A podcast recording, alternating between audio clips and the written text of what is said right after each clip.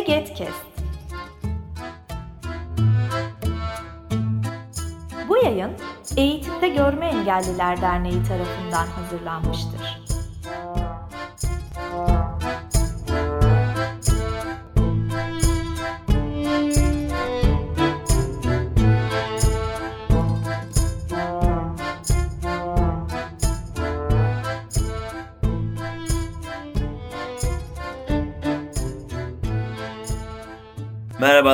Değerli Egetkest dinleyicileri ve aboneleri. Uzun zaman sonra sizlerle yeni bir çözüm zamanı programıyla birlikteyiz. Bugün 12. bölümü yapıyoruz sizlerle. Tabii ki her zamanki gibi Bayram Şahin Aydın'la. Bayram merhaba. Merhabalar öncelikle herkese. Ee, bu uzun aradan sonra tekrar bu yayını gerçekleştiriyor olmak tabii ki çok güzel ve çok anlamlı. En son Nisan ayında yapmıştık programımızı. Şimdi artık 2023'ün sonuna gelmek üzereyiz. Bayağı oldu. Evet Nisan ayında en son sevgili Ali Öztürk'le bir Aşık Veysel'i anma etkinliği gerçekleştirmiştik. Enine boyuna uzun uzadıya Aşık Veysel'i konuşmuştuk. Ondan sonra bir daha program yapamadık. Tabii bu arada ben bir açık kalp ameliyatı geçirdim o programdan, o yayınımızdan hemen sonra dinlenme süreci, iyileşme süreci, istirahat derken artık ben de gayet iyiyim ve tekrar yeni yayınlarla, yeni programlarla beraber olacağız. Evet, ilk programımızda aslında tatsız başlayan ama tatlı sona eren bir olayı paylaşacağız sizlerle. Liseye giriş sınavlarında Milli Eğitim Bakanlığı'nın aslında bana göre iyi olan bir hizmeti var. O da şu. Az gören adaylara İsterse soru kitapçıklarına bakabilme imkanı veriyor. Aynı zamanda da okuyucuyla girme imkanı da veriyor. Buraya kadar her şey iyi. Hatta ben bunu ÖSYM'ye de öneriyorum. Siz de böyle yapın diye. Fakat bunun dışında uygulamadan kaynaklı yaşanan bazı problemler de var. O da şu. Bazen RAM'lar, rehberlik araştırma merkezleri hiç görmeyen bir kişinin az gören olduğunu sınav tedbiri olarak işaretleyebiliyorlar. Bunu veli de öğrenci de o anda fark edemeyebiliyor, takip edemeyebiliyor. Bireysel başvuru da olmuyor biliyorsunuz ÖSYM sınavlarında olduğu gibi. Okul aracılığıyla başvurular yapılabiliyor. Ve bir takım mağduriyetler yaşanabiliyor. Önceki yıllarda bu yaşandı. Biz de hatta bu sene farklı katıldığım yayınlarda ben de söylemiştim. Buna dikkat edin arkadaşlar diye velilere. Fakat en yakınlarımızdan birinin başına böyle bir olay geldi. Ablasını zaten tanırsınız. Şeyma Büyükurvay Şatay o derneğin de yönetiminde şu anda. Onun kardeşinin başına, Yağmur'un başına böyle bir olay geldi. Bakalım neler yaşandı, nasıl bitti onlardan bahsedeceğiz. Şimdi Yağmur e, öncelikle hoş geldin. Hoş buldum. Ve annesi de bizimle beraber Necla Hanım. Siz de hoş geldiniz. Merhabalar, hoş buldum. Teşekkürler. Evet, öncelikle katıldığınız için biz de teşekkür ediyoruz yayına. Yağmur sen sınav kitapçığının farklı geldiğini yani şekilli sorularında bulunduğunu, değil mi? Hiç görmeyen bir aday çünkü şekilli soruların olmadığı bir kitapçıkla e, baş başa kalıyor sınavda. E, ama sen şekilli soruların olduğunu ne zaman anladın ilk olarak? Şöyle oldu. Sınavdayken zaten grafikli sorular ya da matematikte şekilli sorular falan vardı. Betimlemeli soruların olduğu bir kitapçık geleceğini düşündüğüm için betimlemeli hali mi böyle acaba falan diye düşündüm ama hani bir garip olduğunu anladım zaten. Sonrasında da LGS'den sonra diğer kitapçıklarla karşılaştırdığımızda aynı kitapçık olduğunu gören öğrencilerle aynı kitapçık verildiğini anlamış olduk. LGS'den iki gün falan sonra kesinleşmiş oldu. Yani peki sana okuyucular betimlemeye mi çalışıyorlardı? Nasıl oluyordu?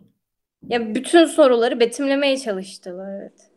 Ama yani normalde zaten hiç görmeyen bir e, kişinin aldığı kitapçı alsaydın o sorular betimlemeli olacaktı yazılı halde. Evet. Ama şimdi sana okuyucular betimlemiş oldu. Aynen. Sınav anında şüphelendin ama sonra emin oldun. Nasıl hissettin? Ne yaşadın yani o anda? Ya orada benim yapabileceğim bir sürü soru vardı. Ben onları yapamadığımı çok üzüldüm. İngilizce'de falan mesela soruları yetiştiremedim. Çünkü diğer soruların şekilli olduğu için onları anlatılması bayağı bir zaman kaybettirdi bana. O yüzden puanım daha düşük geldi falan. Bundan dolayı üzüldüm. Emeklerim falan yani beklediğimden daha düşük bir puan aldığım için olmadı. Hak ettim. Peki o sonuç açıklanana kadar yani daha bek- yani puanın düşük gelecek o anlaşıldı aşağı yukarı artık.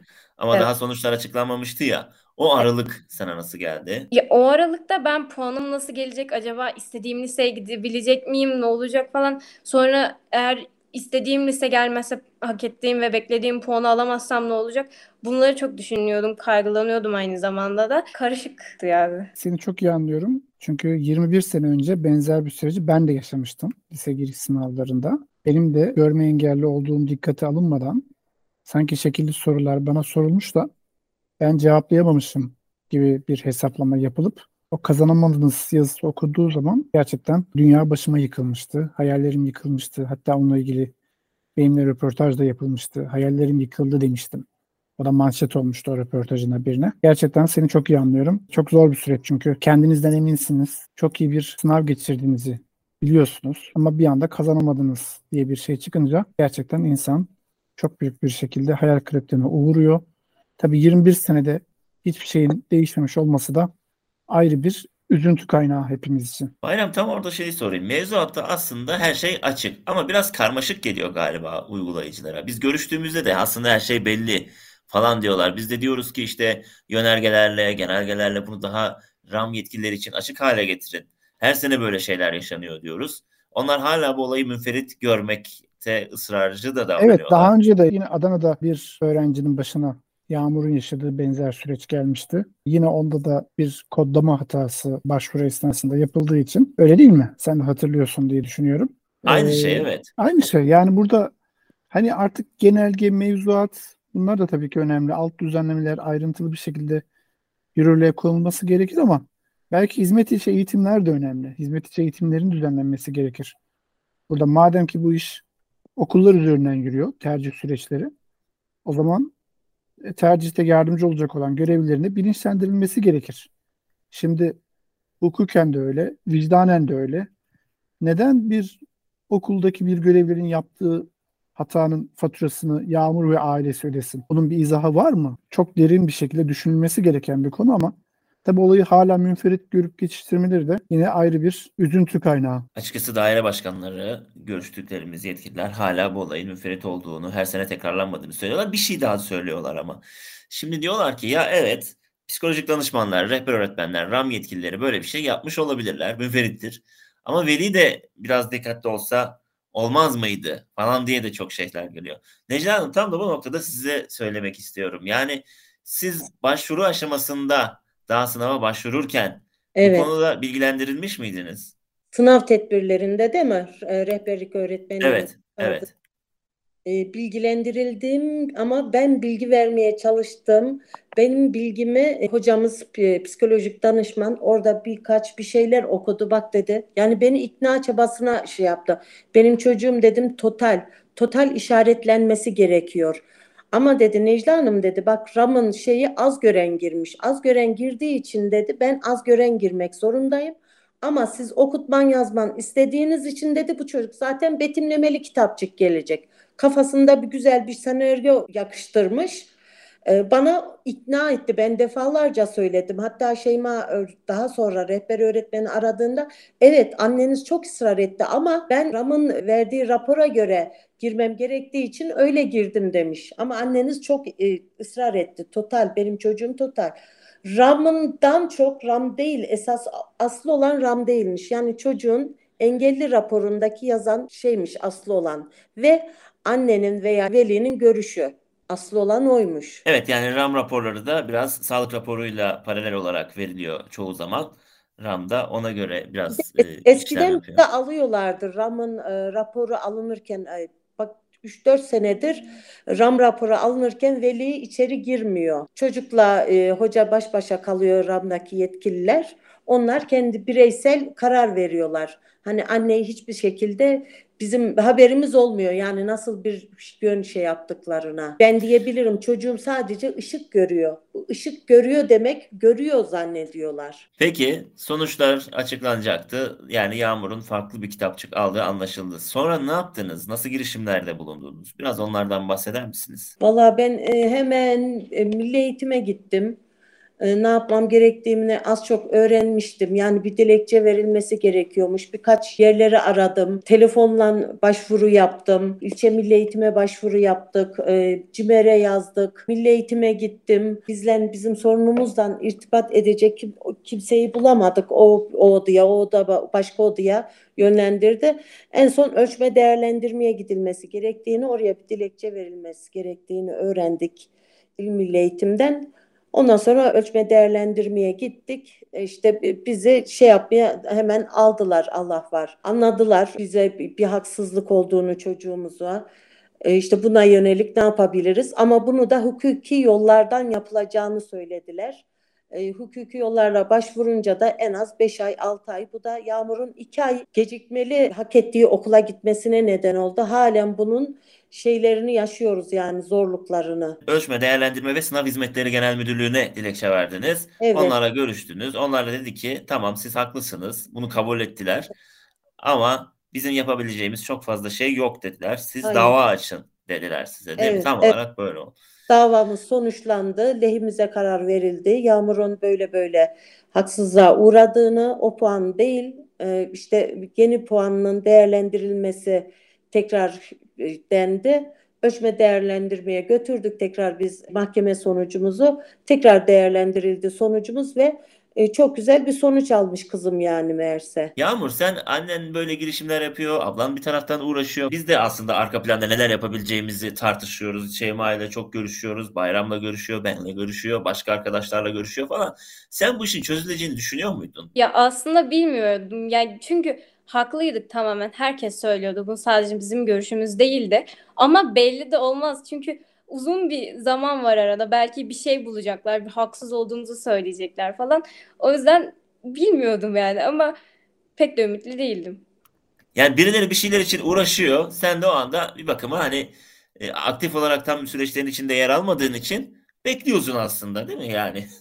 Yapabileceğim bir şey yoktu o sırada. Yani evet senin için de kolay bir süreç değildir diye tahmin ediyorum açıkçası yani. Dava işine karar verildi. Peki davayı açtınız ama o da tam başlangıçta her şey yolunda gitmedi dava sürecinde? Aynen, aynen. İlk davamız lehimize değil aleyhimize karar verildi. Bu çocuğun e, yüzde beş, yüzde on görmesi var.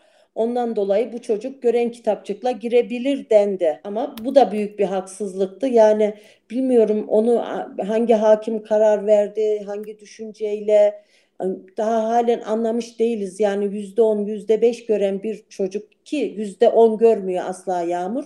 Sadece ışık algısı var. Eski raporuna göre öyle dediler. Yani biz yeni raporunda özel koşul gereksinimi vardır deniyor ama bu avka, şey mahkeme şeyi bu kelimeleri, terimleri bilmez diye bizim avukatımız eski raporunu da getirin dedi. Onda da yüzde doksan görme engelli olduğu yazıyor. Bu yüzde doksana görmüyor ama yüzde on görüyor diye bize tekrar aleyhimize sonuç geldi yani.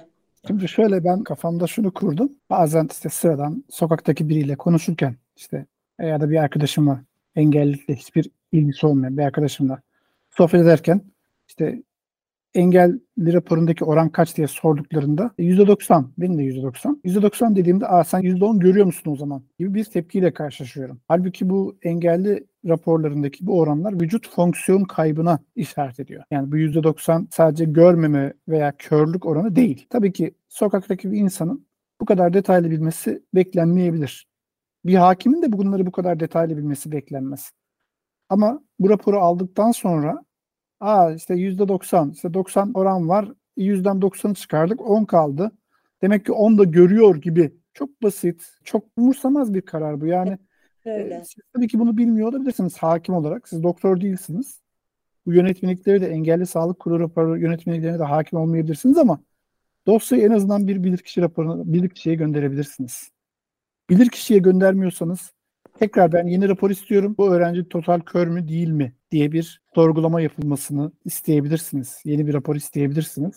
Siz bunları yapmıyorsunuz. Yüzden 90'ı çıkarıyorsunuz, 10 kalıyor.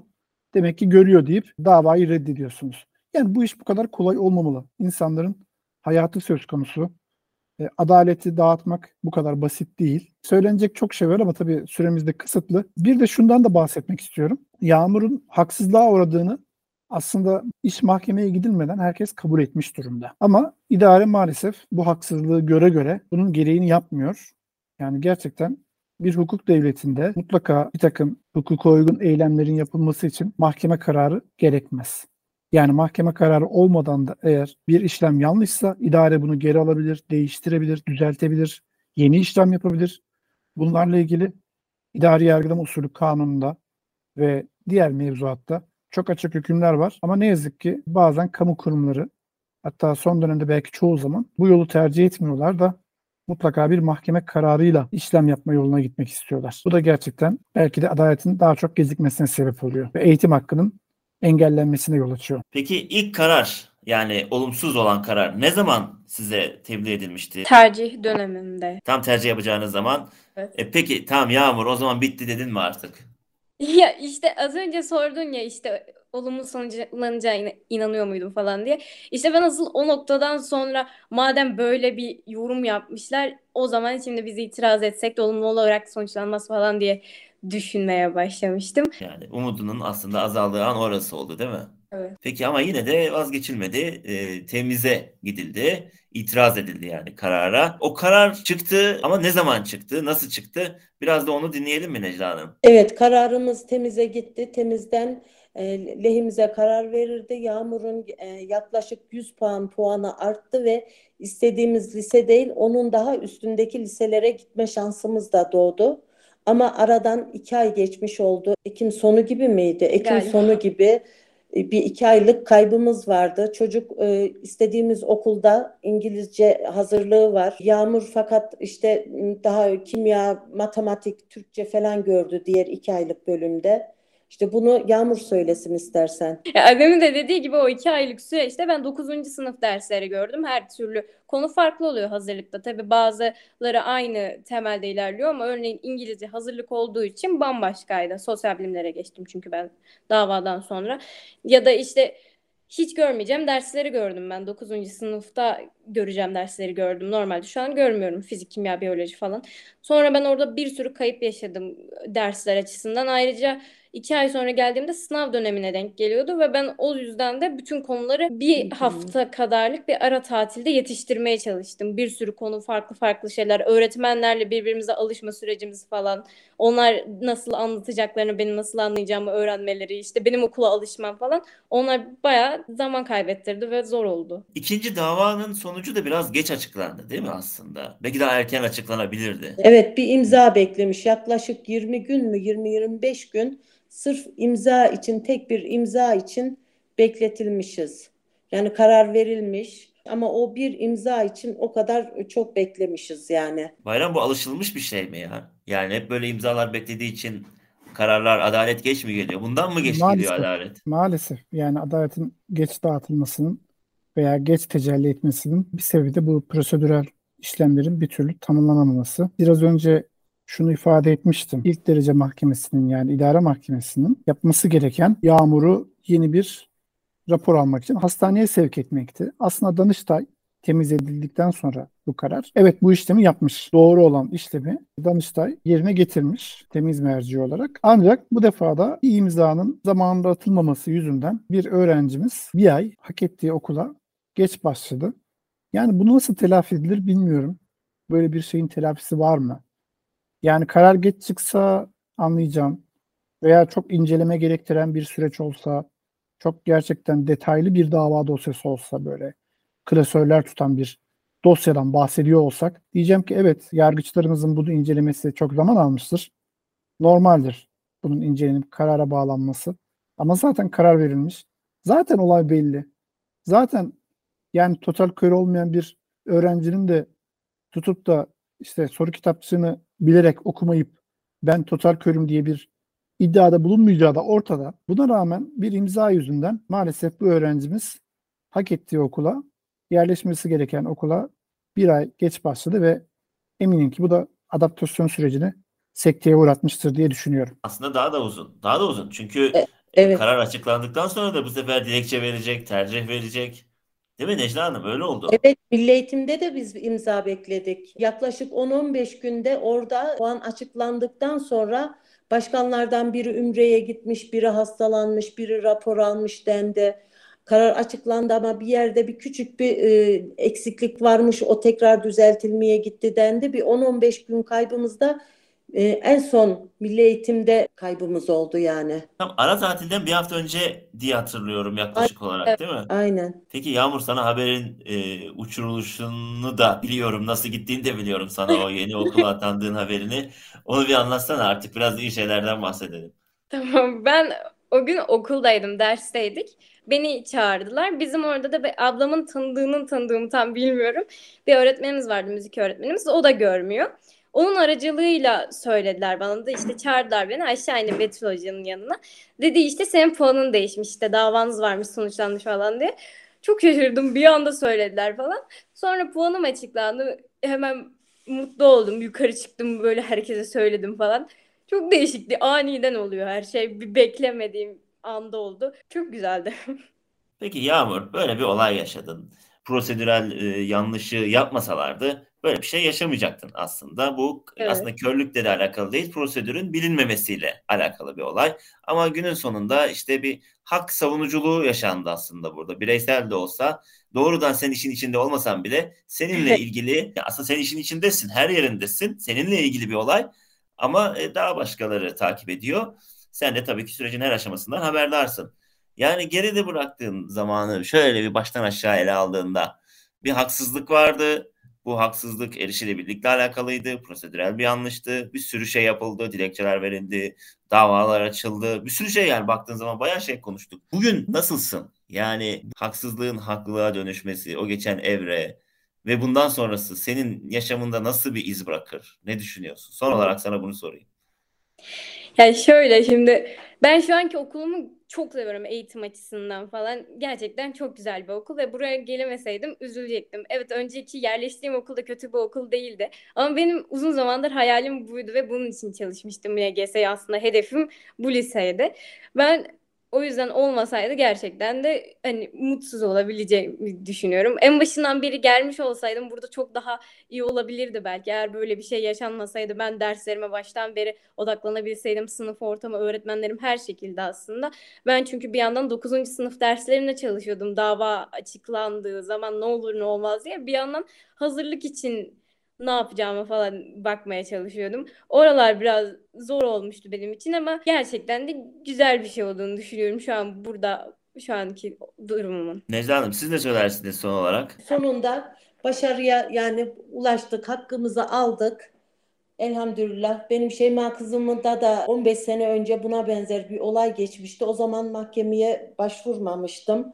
Ee, nasıl mücadele edeceğimi bilmiyordum. Bu sefer e, sağ olsun Şeyma kızımın e, destekleriyle anneciğim bu sefer yanında ben varım dedi. Haksızlığa uğradığını biliyoruz. İnşallah dedi gidereceksin. Uğraştık hamdolsun. Ama kızım biraz zorlandı. E, halen de zorlanıyor. Çünkü sınıfta arkadaşlık grupları oluştu. Herkes e, kendi grubunu oluşturdu. Yağmur iki ay sonra geldi. E, şu anda Yağmur mesela onların zorluk sıkıntılarını çekiyor. Sınav e, noktasında puanımızı aldık. Şükür istediğimiz okula geç de olsa yerleştik ama çocuğun psikolojik açıdan hani arkadaşsızlık, arkadaş var ama tam ergenlik çağındalar. Böyle kanka arkadaşlığı gibi. E, Herkes e, bilmiyorum sadece yardımsal yaklaşıyorlar. Herkes kendi grubunu oluşturmuş, zil çalıyor, güzel oynuyor, gülüyor, ayrılıyorlar. Yağmur sınıfta yalnız. E, Biraz onun zorluğunu yaşıyoruz yani. Onu da söylemek istedim. Bir tek sınavla değil, çocuğun ruhen de arkadaş açlığı da var, oldu yani. Biz Yağmur'u biliyoruz. O girişken bir insan. O işi de çözecektir diye düşünüyorum. İnşallah, inşallah. Çok güzel puanlar alıyor. 95-100 sınavlarının sonuçları. İnşallah bundan sonrası da öyle gelecek diye düşünüyorum. Kaybımız oldu ama sınavlar güzel gidiyor. Hadi bakalım. Başarılar diyelim biz de. İnşallah. Teşekkürler. Bayram sen ne dersin son olarak? Geç de olsa bu bireysel hak savunuculuğunun başarıya ulaşması tabii hepimiz açısından sevindirici oldu. Bu arada şunu da belirtmek istiyorum. Biz Eğitimde Görme Engelliler Derneği olarak daha önce bazı davalara müdahil olmuştuk. Yağmur'un davasına da müdahil olmayı çok düşündük. Ancak biz müdahale talebimizde bulunduğumuzda mahkeme yine karar vermek için bir süre kullanacaktı. Bizim için Yağmur'un bir gün bile gecikmesi, gitmesi gereken okuluna bir gün bile geç gitmesi son derece telafisi imkansız sonuçlar ortaya çıkarırdı. Bu nedenle biz bir gün bile kayıp olmasın diye Yağmur'a tabii ki bu süreçte elimizden geldiğince destek verdik ama mahkemeyi yine süre harcaması için kendilerine bahane sunacak bir girişimde de bulunmak istemedik açıkçası. Geç de olsa bu sürecin başarılı noktalanması hepimiz için sevindirici. Yağmur'a bundan sonraki eğitim hayatında başarılar diliyoruz. Teşekkürler. Tabii tüzel olarak, kurumsal olarak e, doğrudan müdahil olmadık ama her aşamasında, dilekçe aşamasında, birinci dava aşamasında, ikinci dava aşamasında, dilekçe verilmesi aşamasında, nakil olana kadar, haber uçurulana kadar hatta her yerinde takip ettik Çünkü bizim yani. için o- önemli olan Yağmur'du. Yani önemli olan Tabii. derneğin müdahale olması veya olmaması değil. Önemli olan Yağmur'un bir an önce o okula yerleşmesiydi. Bu nedenle herhangi bir gecikmeyi göze alamazdık. Bir saniye bile gecikmeyi göze alamadık. Evet. Değerli Egetkest dinleyicileri ve aboneleri yeni yayın döneminin ilk programında olumsuz başlayan ama bir hak savunuculuğu sayesinde olumlu sonuçlanan bir olayı sizlere aktardık. Olayı yaşayanlardan dinlediniz bunu.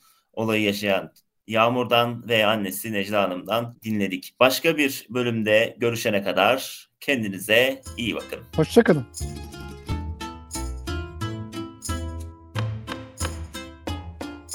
Bu yayın Eğitimde Görme Engelliler Derneği tarafından hazırlanmıştır. Web sitesi eget.org Mail bilgi.eget.org Facebook Eğitimde Görme Engelliler Twitter et Eget İletisim Instagram Eğitimde Görme Engelliler